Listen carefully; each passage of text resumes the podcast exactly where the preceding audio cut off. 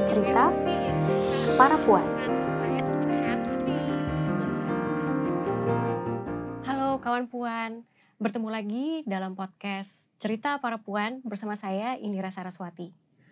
Hari ini kita kedatangan seorang perempuan yang luar biasa. Uh, dia adalah seorang beauty blogger. Um, pasti kalau misalnya langsung saya sebut namanya atau saya sebut ciri khasnya akan langsung ketahuan. Tapi mari kita katakan saja bahwa uh, beauty blogger yang satu ini sekarang sudah menjadi ambassador untuk self love. Nah, siapa? Kita akan bertemu dan ngobrol-ngobrol dengan Agnes Oriza. Hai. Halo. Senang sekali aku sudah diundang sini. Ah, itu senangnya dari kami juga nih di Puan. uh, justru malah pada saat tahu uh, oh kita akan ngobrolnya sama Agnes, wow langsung kita lihat-lihat Instagramnya, terus yang buat senang itu sebetulnya memang di bionya sih bilang bahwa uh, beauty blogger dari sejak 2009. 2009 ya. Lalu berikutnya sih ada kata-kata self love uh, believer. Nah, self love believer itu seru banget. Tapi mungkin sebelum kita masuk ke self love believer, uh, kali pasti uh, banyak lah yang pengen tahu juga cerita awalnya beauty blogging itu kalau di Agnes kayak gimana sih? Oke, jadi ceritanya aku udah mulai blogging dari 2009. Mm-hmm. Itu lulus SMA karena berangkat dari kebutuhan teman-temanku sendiri sebenarnya. Banyak bertanya gitu sehari-hari, "Eh, kamu tuh pakai apa sih kok bisa kayak gitu kulitnya? Mm. Atau kamu pakai bedak apa sih yang bagus dan segala macam." Nah, pada era itu kalau kita cari di mesin pencarian di komputer tuh yang keluar tuh hasilnya kayaknya orang luar semua gitu. Dan gak related sama suhu dan cuaca kita di sini gitu mm -hmm. kan terus eh kayaknya belum ada yang nulis dan karena aku suka beauty aku suka nulis juga udah deh aku bikin aja dalam bentuk blog supaya banyak yang bisa baca dari tulisan aku itu nggak cuma sharing ke teman-teman sekelas gitu oke okay. jadi itu lu masuk kuliah berarti ya uh, lulus SMA ya. lulus SMA-nya ya, oke okay. pas lulus SMA-nya itu apa sih yang buat teman-teman yang Agnes sampai bertanya emang Agnes pakai apa atau apa sih yang sampai bikin mereka tuh nanya karena kan pasti ada sesuatu yang beda gitu ya. Oke. Okay. Jadi sebenarnya aku tuh kan skincarean dari kelas 4 SD. Ah. Jadi um, kayak SMP, SMA tuh aku ke sekolah tuh udah dandan. Okay. Cuma yang bener-bener no make up make up lo kalau anak zaman mm. sekarang ya nyebutnya mm. dan mungkin karena guru-guru juga udah terbiasa melihat aku tuh ada alisnya padahal aslinya kan nggak ada gitu ya. Mm. Ada alisnya dan segala macam. Jadi sebenarnya nggak ada yang negur karena nih anak kelihatannya natural aja gitu. Oh, oh, oh itu itu yang keren ya. Bahwa sampai bisa tidak ditegur guru. Mm, okay. gitu. Tapi tiap hari tuh well polish gitu loh maksudnya ke sekolah. Jadi temen-temen tuh pasti nanya gitu eh bedak kamu apa sih? Bagus gitu. Mm-hmm. atau enggak kadang kelihatan pakai maskara tipis gitu kan eh maskaranya apa sih? Kok kayaknya nggak luntur seharian mm-hmm. gitu. Tapi tuh belajar dari mana sih Nas? Maksudnya pakai skincare dari kelas uh, 4 SD kelas 4 SD iya. Itu Ah, nggak tahu. Kalau saya aja dapat pencerahannya tuh kayak baru mau masuk baru masuk usia tertentu, baru masuk 30 yeah, yeah. baru mm-hmm. harus pakai skincare. Kok bisa dari 4 SD sih? Uh, dari mami aku sih. Jadi oh, sebenarnya okay. mami aku tuh nggak jago make up, cuman uh, beliau tuh selalu merawat kulitnya dengan baik gitu. Jadi aku bertumbuh dewasa tuh ngelihat kayak oh mami pulang kerja tuh selalu bersihin muka, pakai tonernya tuh air mawar, maskeran. Terus itu legend banget ya. Orang Jawa banget gitu loh minum jamu dan segala macam terus aku lihat kok kulitnya bagus banget ya gitu. Akhirnya aku diajak juga untuk ayo pulang sekolah bersihin muka uh, cuci muka pakai toner terus pakai pelembab bayi pada era itu. Oh. pelembab untuk bayi. Pelembab bayi itu zaman dulu aja udah baby ada ya? moisturizer gitu ada. Dan saya pun nggak tahu ya ada pelembab bayi mungkin akhirnya dulu pakai. Jadi itu dari kelas 4 SD Yes. Rajin. Rajin. Ada yang berubah nggak pas uh, masuk SMP mungkin? Karena kan itu masa-masa akil balik gitu. Iya iya. Pas SMP udah udah gatel pengen pakai make up sih ya. Ah, Oke. Okay. Tapi berusaha senatural mungkin karena sekolahku juga kan kayak sekolah swasta Katolik yang ketat banget gitu sebenarnya. Jadi gimana caranya supaya kelihatan fresh tapi nggak ketahuan dandan. Itu itu belajar dari mana sih? Nah? Iya cari-cari aku seneng baca majalah ya pada masa dulu itu. Dulu belum ada YouTube. Soalnya. Belum ada, belum ada. Jadi lihat-lihat dari majalah, tips-tips kecantikan kan banyak ya hmm, zaman dulu dan tertulis semua kan kayak cara mengaplikasikan blush on gitu hmm, kan. Jadi oh step by stepnya tuh nggak kayak sekarang kan visual gitu. Ya, Kalau dulu ya. bener-bener ngebayangin terus pakai gitu. Kayaknya dulu jadinya kita harus lebih rajin karena harus dibaca. Iya harus dibaca, dibaca. detail ya, dibaca terus di bener, tes. Bener bener. Uh, tapi kayak uh, produknya sendiri hmm. akhirnya belajar mana yang cocok yang mana, hmm. mana yang enggak. Itu kan butuh butuh waktu juga iya, ya. Iya, betul. ya lagi-lagi modal baca sih kayaknya. Wow. Karena nggak ambil sekolah tertentu yang emang mempelajari itu juga. Kebetulan uh, pelajaran IPA aku juga jelek ya nilainya. Jadi ya emang modal baca aja sih knowledge-nya dari situ. Oke, nah lalu Tuh. ketika akhirnya lulus SMA tadi itu, Yes. itu sudah sampai level apa tuh Nes? Berarti skincare-nya udah kayak apa waktu itu? Eh, aku lulus SMA langsung aku belajar make up lebih dalam sih. Jadi pada era itu aku lebih banyak make up artis sebutannya. Jadi Hmm. eh, service make up gitu loh buat temen yang mau wisuda dan segala macam. Oh itu udah udah udah, itu? udah. heeh. Cuma kalau sekarang kan emang aku enggak ya, aku nggak ambil bidang itu. Aku lebih fokus ke skincare. Oke. Karena ternyata lebih seneng merawat kulit aku. Merawat diri sendiri tuh Iya, kadang-kadang lebih menyenangkan. Nah tapi masuk da- jadi blogernya sendiri Yes. itu gimana? Awalnya kasih tahu ke teman aja, Mm-mm. tapi sampai te- akhirnya terpikir untuk ini kayaknya harus harus aku tulis dan Hmm. aku harus lebih banyak orang yang kayaknya perlu tahu. Eh, emang pengen nulis aja sih dan melihat waktu itu bikin website susah gitu Hmm. kan. Yang platform gratis aja deh apa gitu. Oh Apa ada blog, blog blogspot blog ya? blogspot, Ah, heeh, iya, blogspot. Sampai sekarang aku sebenarnya masih pakai Masih- masih ya? pakai blogspot. Terus ya udah bikin. Jadi ngomong ke teman-teman nih aku udah nulis. Ntar cek aja di ini, di ini gitu Hmm, kan. hmm. Alamatnya aku kasih gitu. Dan kalau emang eh, platformnya adalah blogspot, orang tuh kalau di mesin pencarian keluar Ah, gitu kalau Oke. emang keywordnya sesuai dia keluar gitu. Secara SEO tuh masuk gitulah. Jadi growing banget eh, apa pembacanya dari yang sehari 10 gitu. Sampai yang sehari ribuan tuh pernah gitu. Ah, eh, terus terima kayak em, email dari Hmm. audiens yang baca di luar teman-teman sekolah juga dong berarti. iya iya pastinya ada yang komen ada yang email terus kayak mbak aku related banget sama kamu yang rambutnya keriting gitu jadi kayak lama-lama membangun relasi sama orang-orang yang tadinya mungkin nggak aku kenal gitu ya Mhm.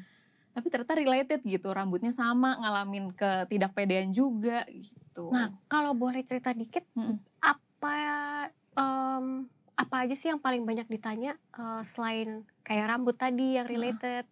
Apalagi sih yang mungkin audiensnya Agnes dari dulu-dulu tuh? rambut Mhm. rambut pastinya nomor satu dua skincare itu dari zaman dulu sebenarnya orang udah karena kan nam- namanya perempuan ya kadang Mhm. beli sabun muka aja nanya dulu ke temen Ya. bagus sih Mhm. gitu Ya, benar-benar. Itu cara komunikasi Heeh. perempuan tuh ya ya. terus uh, make up itu sih yang paling banyak kayak lipstick apa sih yang misalnya nggak cepet luntur atau apa gitu Oke, Mhm. tadi kan Agnes sebut rambut Mm-mm. dan tadi tuh kan memang memang aku nggak mau diperkenalan bilang rambut karena aku curiga nih pasti eh, kawan puan juga bahas, bakal langsung inget gitu itu blogger siapa yang rambutnya Iya. unik. Nah bicara rambut sendiri gitu ya Nes, em, apa sih pengalaman yang pernah Agnes lalui, Mm. terutama berkaitan sama rambut Agnes yang unik banget ini? Ini kan ini kece loh gitu.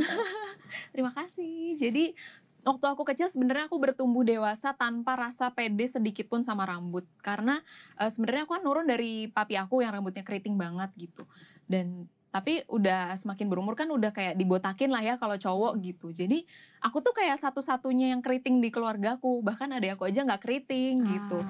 jadi sama orang tuh kadang suka anaknya siapa tuh ketuker ya pas eh, lahir gitu-gitu loh. Kok nggak mirip sama adiknya Heeh, gitu kok ya? nggak mirip gitu. Kok bisa beda sendiri? Ini rambut dari siapa? Gitu kan. Terus di sekolah juga kebetulan beda sendiri. Karena yang lain paling sebatas ikal gitu tapi mostly lurus rambutnya. Gitu. Jadi emang dari kecil udah beda banget. Dan pada saat itu kan kita nggak ada exposure yang bagus soal keragaman ya. Hmm. kayak era-era itu dari eh, media cetak aja kayaknya sama semua gitu. Oh model yang cantik tuh gini gitu. Hmm. jadi kalau aku baca tuh sama semua nggak ada yang kayak aku gitu. Al- alhasil aku kayak selalu merengek gitu ke mami aku. Aku tuh mau lurusin rambut aja deh gitu. Karena ngelihat semuanya di TV di majalah semua kok rambutnya lurus. Aku aku sih aneh gitu aku pasti aneh. Dan sama teman-teman pun kayak dikata-katainnya parah sih. Maksudnya secara verbal anak-anak anak-anak Hmm, kan kadang itu nggak Itu kelas berapa Gitu tuh kan. Nes? Sorry. dari TK Dari TK? dari TK udah kayak eh coba deh kamu jangan makan mie instan. Itu siapa siapa tahu yang bilang? temen aku. Oh, karena kalau kamu nggak makan nanti kamu seminggu pasti udah lurus rambutnya. Aku sampai nggak makan seminggu nggak makan mie instan. Terus kayak rambut aku tetap keriting terus nangis. Ya itu, jadi itu anak SD. Hmm, cewek cowok? cewek. Malah cewek, ya? cewek cewek. Kadang kalau yang cowok tuh mungkin ngomongnya kayak lebih perumpamaannya kayak lebih ih kayak sarang tawon. Apa kayak ngomongnya lebih lebih perbandingannya lebih nyata gitu ya. Kalau Oke. perempuan tuh kadang masih suka ngasih tips gitu. nggak usah makan mie instan gitu. Kok aku merasa agak agak lucu ya. Oh kalau perempuan itu ngasih tips, tapi Iya. tipsnya tipsnya agak agak agak menohok juga ya. gitu. Jadi sebenarnya dulu kayak gimana ya? Orang anggapnya lucu gitu kan. Cuma aku kayak ih apa sih gitu. Kayak teman lain tuh bisa digerai, aku kalau digerai ngembang gitu kan. Jadi nggak ada, nggak pernah ada rasa pede itu sampai akhirnya mami aku mengizinkan aku rebonding atau melurusin rambut itu pas SMP karena ya udah deh udah anak SMP gitu kan. Alhasil aku meluruskan rambut dari SMP kelas 1 sampai SMA kelas 3 6 tahun nonstop. Cuma demi dibilang biar cantik aja. Karena dulu aku nggak sampai nggak termasuk geng populer. Karena yang masuk geng populer tuh ya secara eh, ciri-ciri fisiknya sama semua lah ya. Oh oke. Gitu. Sama- maksudnya nggak geng populer. Nggak masuk. Dan mas Yang di masa rakyat itu biasa. rakyat jelata ya. Dan di masa itu itu penting. Penting dong kan pengakuan pengen diakuin kan. Apalagi remaja waktu SMP tuh pengen banget sama temen dibilang cantik gitu. Atau nggak kayak cowok-cowok cakep di sekolah tuh kayak pengen dipuji gitu kan. Cuma nggak ada lah yang muji kalau rambutnya keriting gitu. Padahal muka nggak jerawatan dulu. Enggak, aku gak pernah jerawatan dulu. Kulit kulit aman. Aman. Maksudnya warna aku juga kuning langsat gitu lah ya. Ah, Ketika akhirnya rebonding, Iya. ada yang berbeda. Beda dong teman-teman langsung, ya ampun bagus banget rambutnya. Akhirnya lurus gitu. Oh iya iya gitu kan. Dan kebetulan rambutku tuh kalau di rebonding nurut aja gitu ya. Lurus karena permanen. Obat zaman dulu kan keras banget Iya, kan iya. gitu. Jadi diterima. Tapi nanti ketika kan eh, tumbuhnya rambut tuh satu bulan tuh sekitar satu senti kan. Oke. Dan bayangin gak sih rambutnya lurus? Iya, Tiba-tiba terus kan. Si di sini tumbuhnya kayak gini nih. Iya, iya. kan jadi kayak ada punya dua rambut dalam satu kepala. Terus Mm-mm. teman-teman mulai bahkan teman-teman yang lumayan dekat gitu. Eh mulai keriting tuh, "Gi sana ke salon." gitu. Bahkan sampai dulu punya pacar pun ngomong kayak gitu tuh, "Kamu udah waktunya ke salon." Terus Kayak, "Oh, emang aku tuh sejelek itu ya kalau nggak lurus gitu kan." Tapi capek banget. Jadi itu rasanya. berapa kali dong? Berat, berat tadi tadi berapa tahun? Dari dalam enam tahun. dalam enam tahun rebonding. Setahun dua kali. Setahun dua kali. Kan retouch ya. Udah Ya. tumbuh 6 sentian, Mm-mm. lurusin lagi gitu. Tapi berarti selama enam tahun itu Mm-mm. eh, Mbak Agnes tuh rebonding, rebonding, rebonding, Rebonding. terus.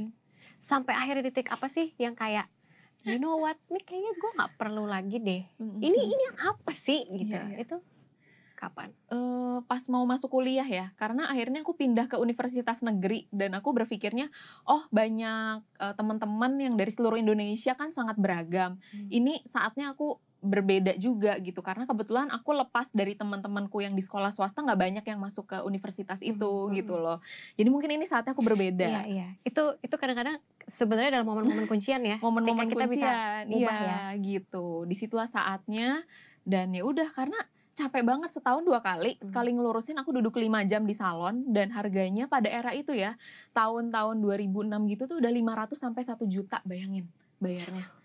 Sekali dikerjain tuh udah berapa duit gitu kan. Capek karena aku inget kayak ih lama-lama kok aku kenapa aku lelah ya? Aku senang dibilang cantik tapi aku lelah gitu.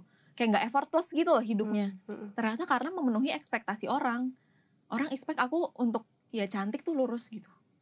Jadi aku jalanin hidup aku apa hidup orang Aku jalanin hidup aku atau hidup orang. Iya benar benar benar. gitu diminum loh. oh iya iya karena udah banyak banget bercerita nih ya dari tadi ya iya, padahal Kak Agnes yang cerita saya juga ikutan haus. kita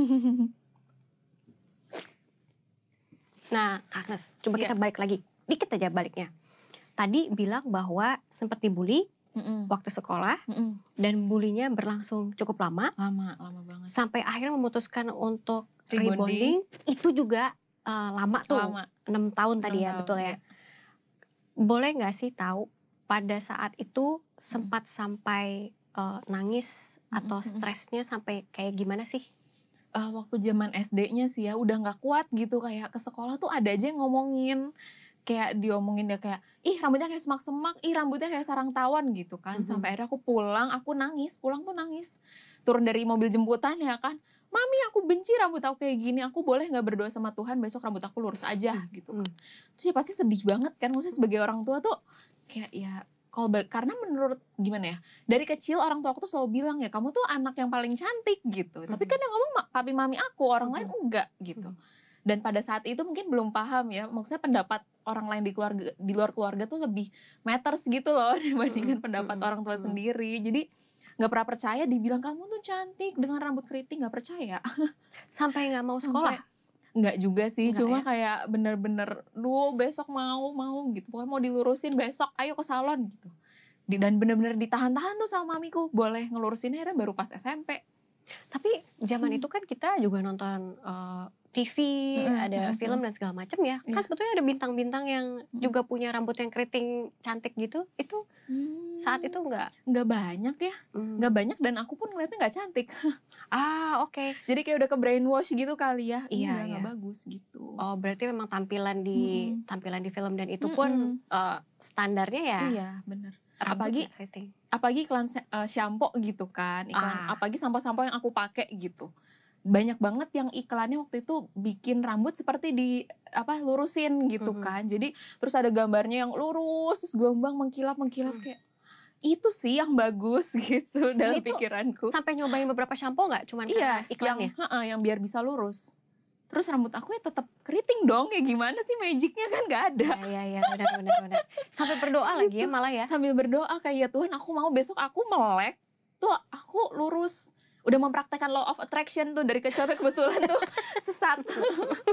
Tapi akhirnya datangnya akhirnya baru menerimanya. akhirnya nerimanya ya pas udah balikin setelah udah rebonding kuliah aku mulai pelan-pelan ngebalikin lagi rambut keriting kan. Dan di situ aku baru belajar menerima. Dan karena teman-temanku juga nggak ada yang ngejek gitu loh waktu kuliah tuh emang karena dari Sabang sampai Merauke kan. Kadang kalau di un- universitas negeri jadi emang beragam aja gitu Titik yang akhirnya benar-benar Mm. semua cara pikir yang dulu itu kan Mhm. itu bertahun-tahun kan. iya iya iya Itu bisa switch pluk, itu cepet kayak tiba-tiba Ah. ini aja atau emang ada prosesnya dulu gitu. banyak sih prosesnya karena waktu baru balik keriting aja nggak pedenya tuh banyak karena gimana ya aku kan tinggalnya di Bandung kan dari kecil pas aku jalan gitu jajan pasti ada yang kayak bapak-bapak neng neng rambutnya tuh asli nggak sih gitu aduh males banget ditanya-tanya gitu kan. Ya asli pak gitu. Ah nggak mungkin bang nggak mungkin asli rambutnya gitu. Ya nggak percaya lagi. Ngotot ya, jadi ngotot, ngotot. males gitu Ah. ditanya-tanya orang sampai akhirnya waktu itu aku dapat klien yang udah lama aku idam-idamkan sebuah brand uh, rambut. Mhm. nanya mbak kita tertarik sekali sama rambut kamu bagus boleh minta uh, red cardnya untuk menulis di blog. Apa itu? Langsung gitu kan langsung yang oh my god aku diakui sama brand sebesar itu gitu loh jadi oh it's not bad at all ya gitu Itu jalan berapa tahun sesudah mulai nulis? 2000 setelah setelah tiga tahun empat tahun Setelah tiga tahun empat tahun ya. Mm-mm, jadi kayak masih masih apa ya pas udah ngeblok terus sebenarnya udah mulai terbangun kepercayaan dirinya. Makanya blog aku kan The Curly Girl Journal gitu Mhm, kan emang udah oh ya ini untuk menuangkan unek-unek si rambut keriting ini gitu Mhm. loh cuma kan prosesnya nggak langsung pede walaupun orang lihatnya kayaknya pede gitu kan. Nggak nggak langsung pede gitu. Tapi gitu deh pokoknya emang akhirnya eh, kayak Kak Agnes tuh emang ngerasa bahwa kayak Mm. produk itu buat rambut keriting mungkinkah kurang atau mungkin kayak Hmm. perawatan di salon ternyata memang lebih Hmm. lebih banyak untuk yang untuk meluruskan Mm, atau mm. apa sih perasaan karena karena gini kali ya Mm. aku mungkin nggak nggak terlalu keriting gitu aku Iya, ikal iya. tapi aku aja yang begini dulu aja tuh kayak rasanya rasanya mau lurus aja Mau mau mau lurus. lurus selalu mau ngeblow gitu Mm-mm. itu aja aku seperti itu Mm-mm. Nah kalau misalnya Kak Agnes itu kan pasti pengalamannya Iya, akan iya. sangat berbeda ya Iya banget dan mungkin buat yang rambut ikal produk-produk yang sampo yang bisa untuk membuat rambut lebih lurus tuh mungkin bisa gitu loh karena dari ikal ke lebih jatuh lebih berat tuh kan bisa cuma kalau teksturnya udah kayak gini mendadak lurus tuh kan udah nggak mungkin gitu Mhm. belum lagi kalau ke salon pasti pegawai salonnya akan kayak mbak nggak mau dilurusin aja nih Hmm. rambutnya padahal aku cuma mau potong gitu. Hmm. emang nggak mau dicatok atau nggak sekalian aja yuk dilurusin di rebonding sekarang gitu. Akhirnya sekarang ada yang berubah nggak kalau masuk salon? Sekarang udah enggak karena aku pun kayak udah punya pegangan salon Oh, gitu. Dan salon zaman sekarang kayaknya udah banyak yang lebih diverse ya. Mhm. nggak udah menghargai lah tekstur tekstur rambut. Dan malah tekstur rambut kayak gini kan sekarang tren iya balik lagi ya. Iya balik lagi. Orang jadi seperti ingin Jadi seperti itu lagi kayak ya. ha, natural gitu. Nah, kalau misalnya uh, Kak Agnes lihat sendiri gitu ya, Iya. berarti beauty standard yang ada sekarang Mm-mm. itu udah berubah, udah lebih maju sampai seperti apa sih? berubah berubah banget. Udah lebih diverse karena mungkin ada social media yang mungkin sejak era Instagram ya yang aku Hmm. bisa bilang berubah banget. Karena kan kita bisa follow semua orang dari seluruh dunia belahan mana pun dan mereka punya keunikan masing-masing terus gimana ya tahu kan kalau dunia sosmed banyak banget yang bersuara Mhm. vokal gitu kayak ayo eh, kesamaan gender ayo Mhm. self love ayo ini gitu dan yang ikut tuh banyak gitu loh jadi menurutku lebih mudah gitu ya zaman sekarang kalau zaman dulu bener-bener referensi dari mana nggak ada gitu Mhm. kalau sekarang udah banyak yang dijadiin panutan itu yang unik banget jadi orang-orang kayak oh iya ya ternyata kayak gitu bisa cantik gitu. Masuk Instagram tuh berarti eh, tahun berapa tuh? aku 2011 2011. Dan di saat itu memang udah mulai eh, mulai keluarkan soal eh, rambut ikal itu Iya. nggak apa-apa Mm-mm, kayak gitu ya. mm-mm, mm-mm. Tanggapan orang-orang tuh di tahun-tahun itu kayak apa aja sih?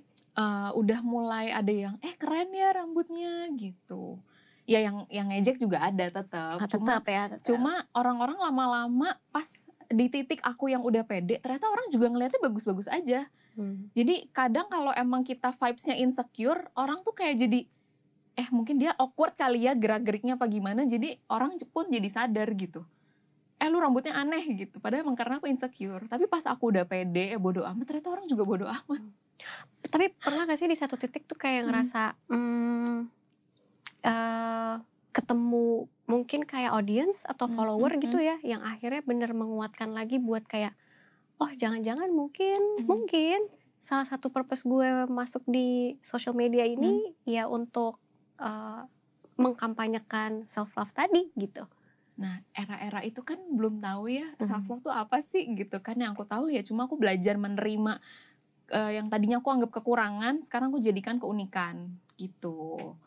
Jadi di situ aku kayak oh ini lama-lama kayak bisa jadi power aku sih karena nggak banyak blogger lain yang yang rambutnya keriting gitu dan karena aku kayaknya paling spesifik, paling sering dikontak brand rambut waktu itu. Terus Mhm. lama-lama aku kayak kayaknya jadi jadi bisa ambil bidang ini dan apalagi banyak eh, followers yang berinteraksi juga yang kayak kak aku tuh tadinya nggak pede tapi gara-gara kakak aku jadi pede nah, terus di situ aku makin kuat gitu loh karena hah aku bisa membawa sesuatu dalam hidup orang tuh kan hah apa sih gitu Iya, iya, itu betul, betul. nggak nggak nyangka gitu loh karena pikiranku ya aku cuma mau sharing aja tapi ternyata orang kadang ada yang email sampai segitunya gitu kak gara-gara kakak aku nggak ngelurusin rambut lagi gitu. Oh my god masa dia decide terus gara-gara ngeliat postingan aku gitu kan Hmm. Itu tanggung jawabnya jadi berasa lebih. jadi kayak oh my god apa yang aku katakan tuh powerful ya gitu di situ aku merasa titik itu kayak oh ini toh gitu Mungkin ini agak Rasanya.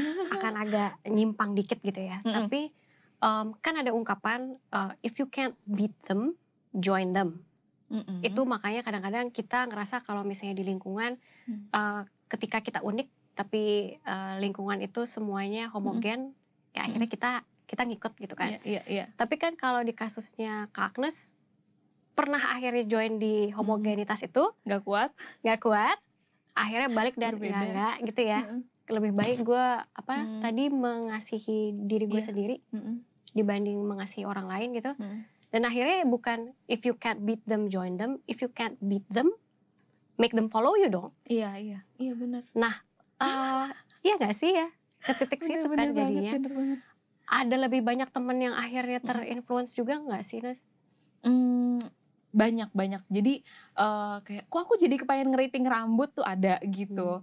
Terus atau enggak yang misalnya rambutnya udah ikal jadi kayak zaman dulu tuh suka pakai roll roll yang kecil-kecil biar lebih lebih mekar gitu. Itu jadi ada aja orang.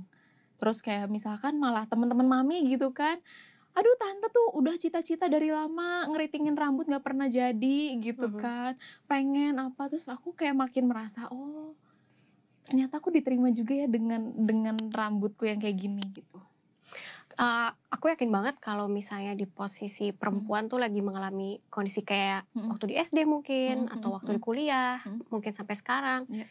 Itu kan kadang kita butuh teman-teman yang encourage Suportif ya, gitu. ya. Ya, Mm-mm. punya support system gitu Iya, ya. iya, iya. Kalau buat Kak Agnes sendiri, support systemnya tuh eh, siapa aja sih? Hmm, Kalau aku, keluarga aku tuh support banget. Oke. Jadi karena mereka ngelihatnya sayang rambutnya dilurusin tuh kan kayak dikasih bahan kimia, dipanas-panasin terus gitu kan pakai alat catok. Jadi udah aja biar sehat rambutnya keriting kan jadi beda gitu. Hmm. Karena kalau menurut aku kalau dari keluarga support tuh kayaknya lebih mudah gitu dibandingkan yang udah sama keluarga nggak support gitu ya itu Mhm. pasti akan lebih PR sih ke akunya dan pas udah kuliah itu aku punya sahabat-sahabat yang juga nggak pernah memandang mau rambut aku lurus apa keriting yang yang mereka tahu ya cuma aku membuat mereka nyaman itu yang penting gitu Dan itu Hmm. um, support sistemnya apakah berganti-ganti atau kayak temannya itu Hmm. ada yang akhirnya memang dari dulu udah ngalamin Hmm. uh, ke Agnes uh, dari bonding lalu Hmm. akhir balik lagi ngalamin proses itu. Iya sebenarnya sampai itu itu aja sih yang sebenarnya dari dulu. Maksudnya I keep my circle apa ya kecil aja gitu. Oke. Kalau pendapat orang lain aku udah nggak terlalu dengerin. Nah kalau kayak pacar kan ceritanya waktu itu Heeh, ada pacar waktu yang SMP Hmm, hmm. aku putusin. Nah kalau sekarang gitu, Kalau sekarang kalau ada yang kayak gitu Hmm. ya ngapain? Kok dia yang ngatur kan badan-badan aku. asik. Tapi kalau di Kaknes sendiri pacar Iya. tuh bagian dari support system atau sebenarnya Bagian, dia bagian, bagian? bagian. Makanya carinya se-value. Bagian sampai akhirnya dia tiba-tiba udah gak se-value lagi. Oh iya, kalau dia udah nggak sama value, ya jangan dong. mungkin bisa lama-lama jadi bagi tips ya sebenarnya ya. Kayak gimana sih caranya kita uh, bisa menilai gitu ya Heeh, ketika kita mau punya pasangan, mungkin Mm-mm. pacaran atau apa, heeh, heeh. eh sampai di titik mana sih kita bisa ngelihat oh ini ternyata masih se-value sama gue. Mm. Oh ini kayaknya enggak nih, nggak bisa diterusin. Oh jadi Karena ngomongin hubungan enggak- nih. karena kalau enggak, karena bagian dari support system kan. Iya iya iya benar-benar. Kalau menurut aku dari awal harus banyak digali aja sih. Jadi mungkin yang aku pelajari adalah bedanya cara pacaran selama aku udah kayak udah lebih dewasa dibandingkan sama yang aku waktu zaman sekolah. Kalau zaman sekolah kan kayak udah makan belum? Kamu Mhm. gimana hari ini? Mau Mhm. ke mana? Sama Mhm. siapa gitu.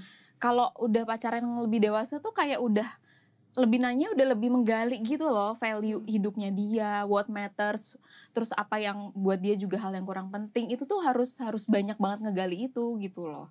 Visi misi dia ke depannya sebanyak banyaknya digali.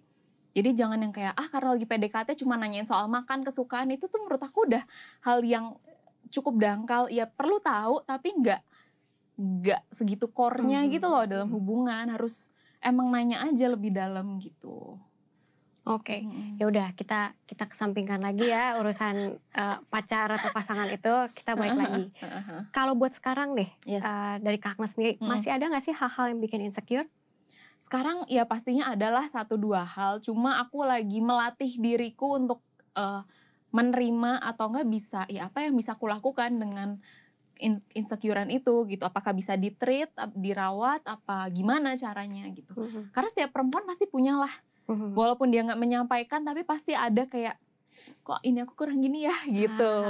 Ah, Cuma mm, kalau boleh aku kasih tips sedikit. Oke. um, sebenarnya ketika kita merasa kayak misalnya fisik nih yang paling gampang kan kadang insecure soal fisik gitu ya kok kayaknya aku kegemukan aku kekurusan atau enggak uh, boobs aku kok kecil gitu kan nah itu menurut aku balik lagi ingat bersyukur dan ingat fungsi dari si badan itu sendiri kayak misalnya gini ih hidung aku pesek gitu aku pengen deh kayaknya lebih lebih mancung gitu cantik kali ya kalau aku lebih gini-gini gitu kayak aku sekarang mikirnya aku bisa nafas aja udah bersyukur apalagi di era sekarang ya Iya, kita iya. bisa tarik nafas benar. gitu jadi aku lebih mikirin si fungsi fisik yang aku insecure itu loh kayak oh mungkin dia bentuknya nggak sesuai keinginan aku dan aku nggak harus cinta sekarang juga tuh nggak gitu Nggak harus cinta nggak sekarang juga ya? harus nggak Oke. harus tapi aku menghargai dia bahwa dia yang membuat aku bisa bernafas kan jalurnya lewat hidung gitu terus Oke. misalkan oh kaki aku kok kayaknya kurang kecil ya gitu misalkan Mhm. tapi kan kaki udah membawa kita ke tempat-tempat indah di dunia Asik. Nah, jadi kayak udah beyond itu gitu loh fungsinya. Gitu. Kadang kita jadi egois gitu kan, pengen lebih ini, pengen lebih itu padahal yang udah badan ki- kita lakuin buat kita tuh banyak banget. Dan kita lupa bilang terima kasih. Mhm, Iya benar-benar benar. Iya. Dan itu yang menarik itu ya. Kalau nggak cinta sekarang, ya nggak nggak nggak apa-apa. apa-apa, nggak ada yang maksa juga. Nggak ada yang maksa juga. Nggak ada yang maksa juga, cuma ini kan udah nempel nih di sini. Mhm. Gimana caranya kita bisa menerima gitu, menghargai gitu. Walaupun secara estetik kita kurang suka gitu. Betul. Berarti kalau misalnya waktu Kak Agnes dulu, cara mengatasi insecure-nya itu sebenarnya apa sih? Kalau ada orang yang dia journaling, Mm-mm. ada yang berdoa, Mm-mm. ada yang memang lebih banyak ngobrol sama temennya. Mm-mm. Kalau Kak Agnes sendiri eh, ngapain? Dan mungkin sampai sekarang kali, Eh. jangan-jangan masih sama. aku juga suka nulis journaling kayak gitu terus banyak-banyak uh, cari inspirasi kayak misalkan kayak di Pinterest gitu ya banyak foto-foto orang gitu aku kayak suka ngeliat-liat aja yang iya yang rambutnya keriting ya ampun cantik-cantik banget gitu terus ngobrol aja sih sama sahabat terdekat gitu eh aku nggak pede deh ini aku kayak gini gitu entah tuh kadang kalau sahabat aku ya emang emang bikin anget gitu loh. Hmm. maksudnya kayak gue nggak ngeliat kayak gitu. Ah lu biasa aja gitu loh. Hmm. karena kadang tuh yang kita anggap kurang buat orang lain belum tentu. Iya. Kayak misalkan gini deh aku punya temen yang uh, aku berteman udah lama misalkan udah enam tahun gitu ya. Dulunya dia gemuk banget terus sekarang dia udah kurus banget gitu. Terus pas dia udah nunjukin foto before after kayak aku gini hah? Kok bisa sejauh ini? gitu. Hmm jujur sih aku nggak sadar karena selama temenan buat aku bentuk badan dia tuh bukan something matters buat aku gitu loh. Karena yang penting kan aku nyaman sama dia gitu. Dan sampai dia udah kurus pun aku tetap nyaman. Jadi buat aku tuh tuh nggak nggak segitu ngaruhnya gitu loh. Karena buat dia kan kayak aku harus kurus gitu. Hmm. kalau buat temennya ternyata nggak juga. Iya itu itu jadi, itu yang itu yang menyenangkan ya. Itu beyond makanya beyond beyond pretty ya. Maksudnya nggak hmm. cuma cantik orang cantik bilang cantik tuh bukan cuma itu gitu. Kayak aku selalu menganggap misalnya sahabat aku cantik mungkin orang lain bilang dia nggak cantik gitu. Tapi buat aku karena dia tuh ibaratnya kayak malaikat pelindung aku gitu ya bisa ngasih saran yang terbaik dia mendengarkan dengan baik dia cantik gitu aja. Jadi bukan yang perkara dia mau kurus gemuk mau lagi kenapa badannya I don't care.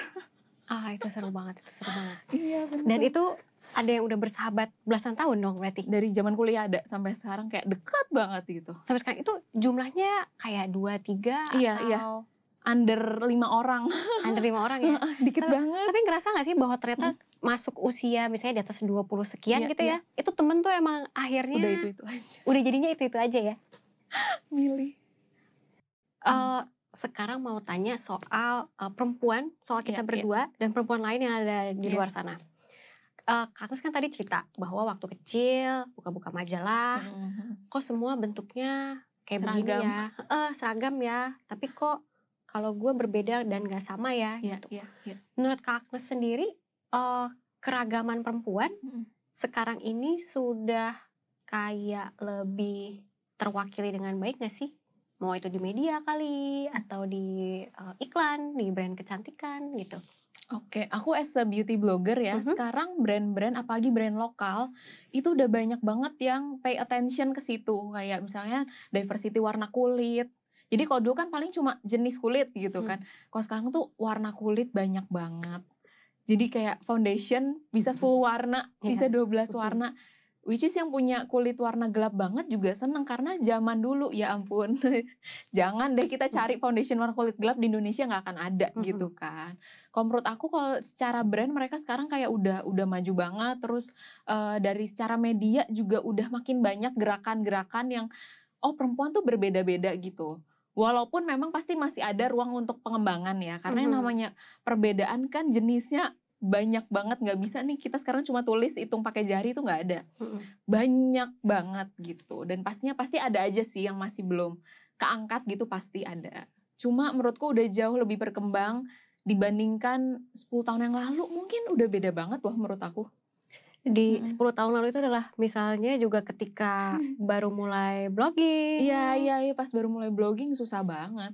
Misalkan dari dalam dunia brand foundation tiga warna titik mm-hmm. light medium dark yang gak terlalu dark gitu mm-hmm. kalau ngelihat para mm. beauty blogger lain mungkin yes. yang baru merintis sekarang yang mungkin usianya tuh kayak masih muda-muda masih muda banget ya kan yeah, yeah. kesannya kita tua banget kan enggak kita juga masih muda maksudnya yang betul-betul uh, masih di sekolah yeah. gitu mm. itu kak Agnes sendiri ngelihatnya mereka kayak gimana uh, mereka udah lebih berani menunjukkan apa yang unik dari mereka gitu mm kalau dulu zaman aku kan kayak kalau nggak sama nggak keren. Kalau okay. sekarang justru jadi unik tuh keren karena hmm. orang gampang inget gitu loh. Jadi karena kan sekarang yang main sosial media banyak sekali kan.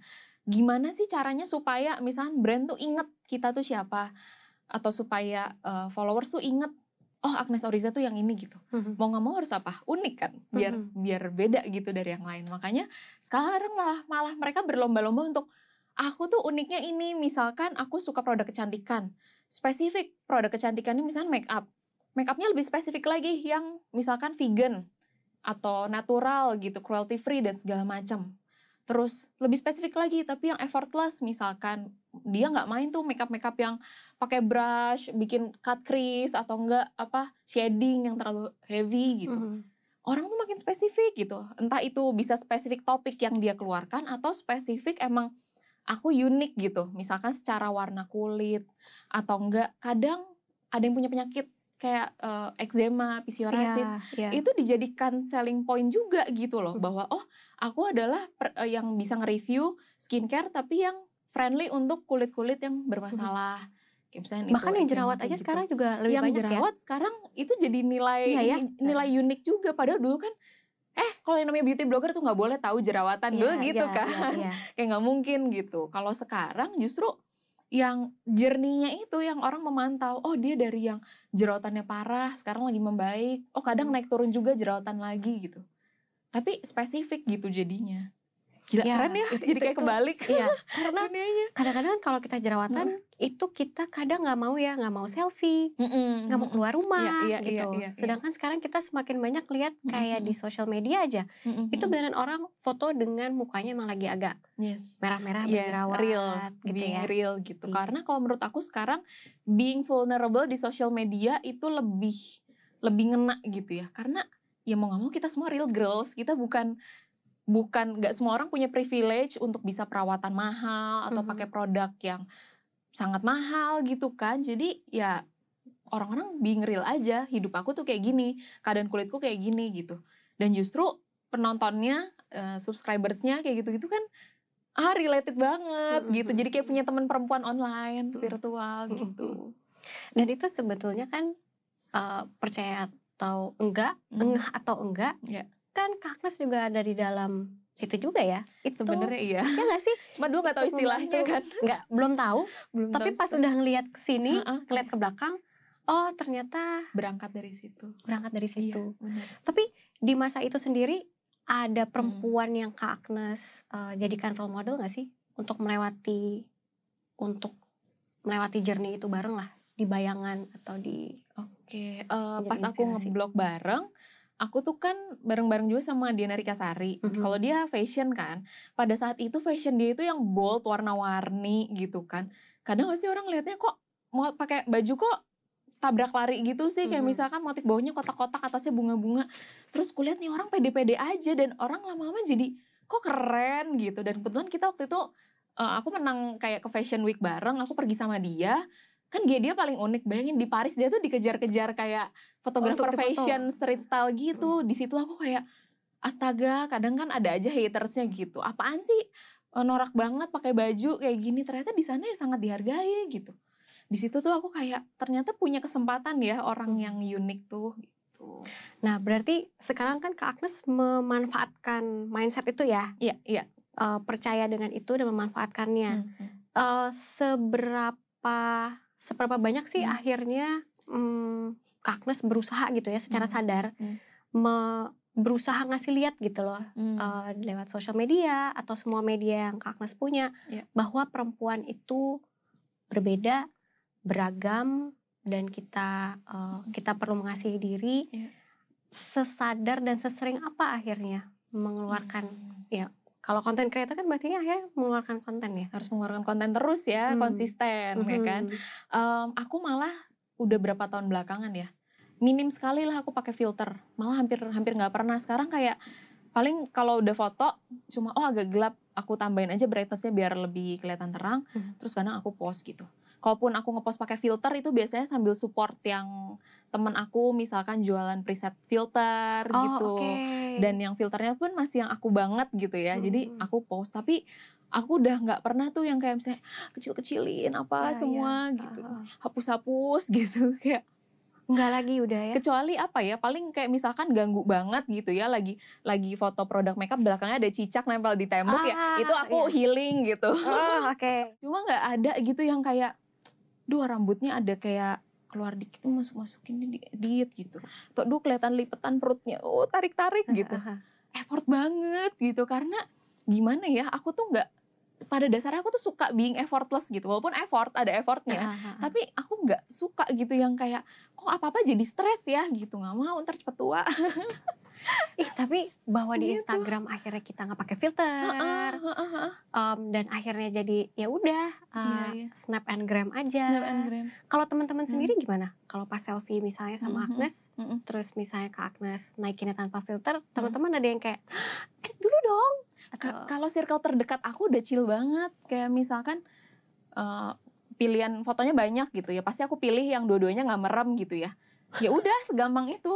Tapi kalau emang selfie-nya masih sama yang insecure banget kayak, lu tuh gimana sih eh, ngepost foto gue angle-nya bu- dari yang berbeda dan segala macam itu kebetulan udah jarang.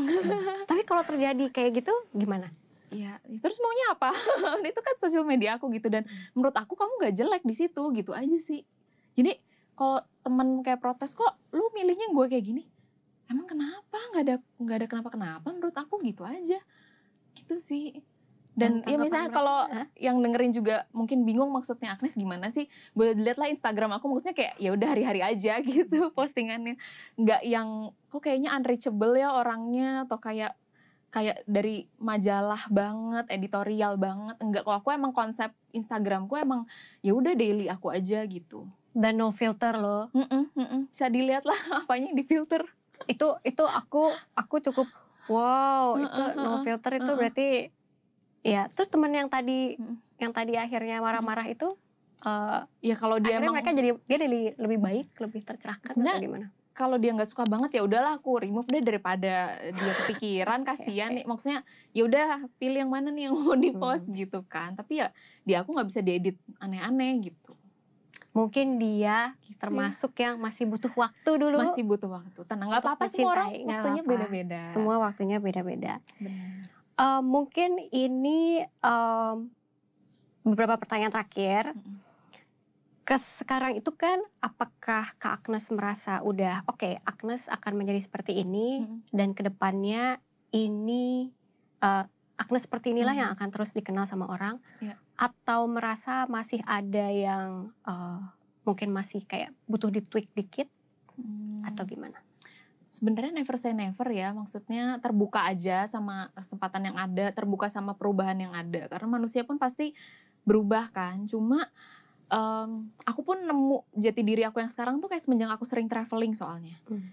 jadi pas aku sering traveling kayak oh enak ya being effortless terus emang vibesnya apa yang aku enjoy aja gitu yang yang aku share gitu. Dan maksudnya kadang-kadang aku juga share eh, aku tuh apa yang lagi aku rasain. Jadi biar biar being real aja deh gitu sama sama followers aku. Karena eh, aku membina banyak relasi sama followers aku pun gara-gara relatednya itu loh. Hmm, kayak hmm. misalnya kak sama aku juga pernah ng- ngalamin apa sih stres pas awal pandemi gitu-gitu. Karena kalau kita kayak belaga strong mulu kan orang-orang lu hidupnya enak banget ya Hmm, gitu. Dan itu kan jadinya kayak unreachable gitu Iya, kan. iya. sedangkan aku suka being real aja gitu.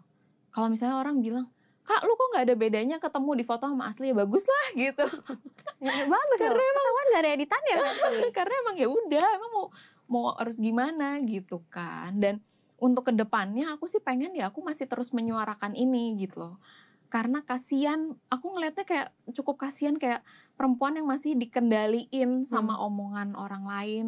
Hidupnya standarnya semua ditentuin dari orang lain tuh menurut aku kok jadi pusing sendiri gitu. Hmm. Cuma lakuin aja apa yang kamu suka yang menurut kamu baik asal nggak ganggu orang asal tidak merugikan orang lain ya ya post aja gitu Lebih baik waktu Mm-mm. dipakai buat memikirkan hal yang lain. hal yang lebih berguna yang lebih Berguna. krusial gitu sih kalau menurut aku Ada pesan nggak buat eh, kawan puan nih, perempuan lain di luar yang mungkin masih butuh waktu tadi mm-mm, eh, untuk bisa mengasihi dirinya, mm-mm, yang malah jangan-jangan belum bisa ngeliat mm-mm, apa yang biasa dia banggakan dan kasihi, mm. yang lagi mengalami struggle yang dulu Kak Agnes pernah alami juga. apa ya? Take your time aja sih uh, do what makes you happy. Karena itu yang yang paling penting sekarang kalau menurut aku Uh, jangan kayak oh kata orang sih aku bagusnya gini aku bagusnya gitu. Enggak. Udah lakuin aja apa yang menurut kamu bikin kamu bahagia. Mau itu ya untuk memperindah fisik kamu apa pun terserah. Karena aku juga gimana ya nggak kepengen ngejudge gitu loh Hmm, kayak mm-mm. misalnya oplas itu pilihan gitu. Semua orang asal dia nyaman gak ngerugiin orang lain. Dan walaupun badan kamu nggak sempurna secara estetika kamu duh aku nggak bisa cinta gitu. Tapi that's okay. Maksudnya kamu hidup bersama dia tuh bukan berarti harus kamu cinta sekarang gitu sama anggota-anggota badan kamu. Tapi yang penting kamu bisa menerima dan menghargai dan tahu bahwa itu tuh dikasih ke kamu pasti punya fungsi pasti ada manfaatnya gitu. Jadi see beyond the shape. Kayak ketika ah aku sebel banget ini aku gede dan segala macam. Langsung ingat thank you badan. Thank you ya kamu udah membawa aku kuat bekerja sehari-hari jalan-jalan dan segala macam jadi kadang ada apa ya begitu udah mau nggak bersyukur gitu langsung terima kasih terima kasih hmm. karena biasanya ya hmm, kita tuh baru sadar tuh kalau udah kena sesuatu yang berat kayak misalnya sakit hmm. uh, kayak misalkan ada momen apalah gitu yang sedih banget tuh baru kayak astaga iya dulu kenapa aku nggak gitu ya hmm. jadi daripada menyesal karena sekarang tetaplah apa pun yang ada dalam tubuh kita apa pun keadaannya terus disyukuri Ah, keren banget. Hmm. Ingat bahwa yang penting sepanjang lubang hidung masih ke bawah dan tidak ke atas. Karena kalau hujan dia masuk masih sesuai fungsinya. iya, iya. Berarti semuanya masih bisa disyukuri. Hmm, betul. Dan kalau misalnya waktunya belum sekarang, hmm. ya take your time aja. Take your time. Untuk dan diri ya. Satu lagi bayangin deh, kalau semua perempuan secara fisik, secara tampilan, secara sikap semua sama what a boring world. Iya betul. Nanti orang bingung mau panggil yang Gak mana. Mau, uh, boring banget. Gak ada tuh yang namanya serum-serum uh, apa sih anti dark spot. Karena semuanya udah mulus. Semuanya udah mulus. Kalau sekarang seru gitu. Eh aku habis beli serum. Karena kenapa ada yang di treat? Uh, ada kerjaan. iya, iya kan? Kalau nggak bosan banget gitu. Kalau semuanya seragam bosan. Ih, gitu. itu dari beauty blogger loh. Iya. Bahwa semua perempuan lebih baik menghargai aja kalau beda-beda. Karena seragam itu boring. Iya, boring. Terima kasih banyak ya Kak Agnes. Sama-sama. Terima kasih banyak. Sama-sama, sama-sama. Nah, kawan puan, terima kasih sudah menyaksikan podcast cerita para puan uh, kali ini bersama Kak Agnes Oriza. Kalau misalnya saya boleh uh, summary sedikit, sepertinya kita jadi belajar tiga hal penting nih dari Kak Agnes. Yang pertama adalah do what makes you happy. Jadi apa pun yang kira-kira akan membuat kamu senang, kamu tidak perlu pikirkan orang lain sebenarnya. Pikirin dulu aja apa yang bikin kamu senang, lakukan itu. Yang kedua, eh, banyak-banyak bersyukur sebetulnya. Uh, tubuh kita itu punya fungsinya dan kita kita mensyukuri dulu aja bahwa tubuh kita berfungsi sebagaimana mestinya. Dan yang terakhir, ini yang sebetulnya uh, paling seru sebetulnya adalah jangan lupa berterima kasih pada uh, diri kita dan tubuh kita sendiri. Berterima kasih pada badan bahwa uh, semuanya sehat. Berterima kasih untuk wajah, muka kita yang masih ada, hidung yang masih bisa bernapas dengan baik dan sehat. Rasanya uh, tips dan semua obrolan dengan Kak Agnes itu jadi menginspirasi kita banget ya kawan puan. Um, terima kasih banyak sekali lagi untuk mendengarkan dan menyaksikan podcast cerita para puan. Jangan lupa untuk cek artikel-artikel dan uh, berita-berita menarik seputar perempuan yang beragam di parapuan.co. Follow juga akun-akun media sosial kami di @cerita underscore parapuan. Uh, dan sampai bertemu di podcast Cerita Parapuan berikutnya. Terima kasih.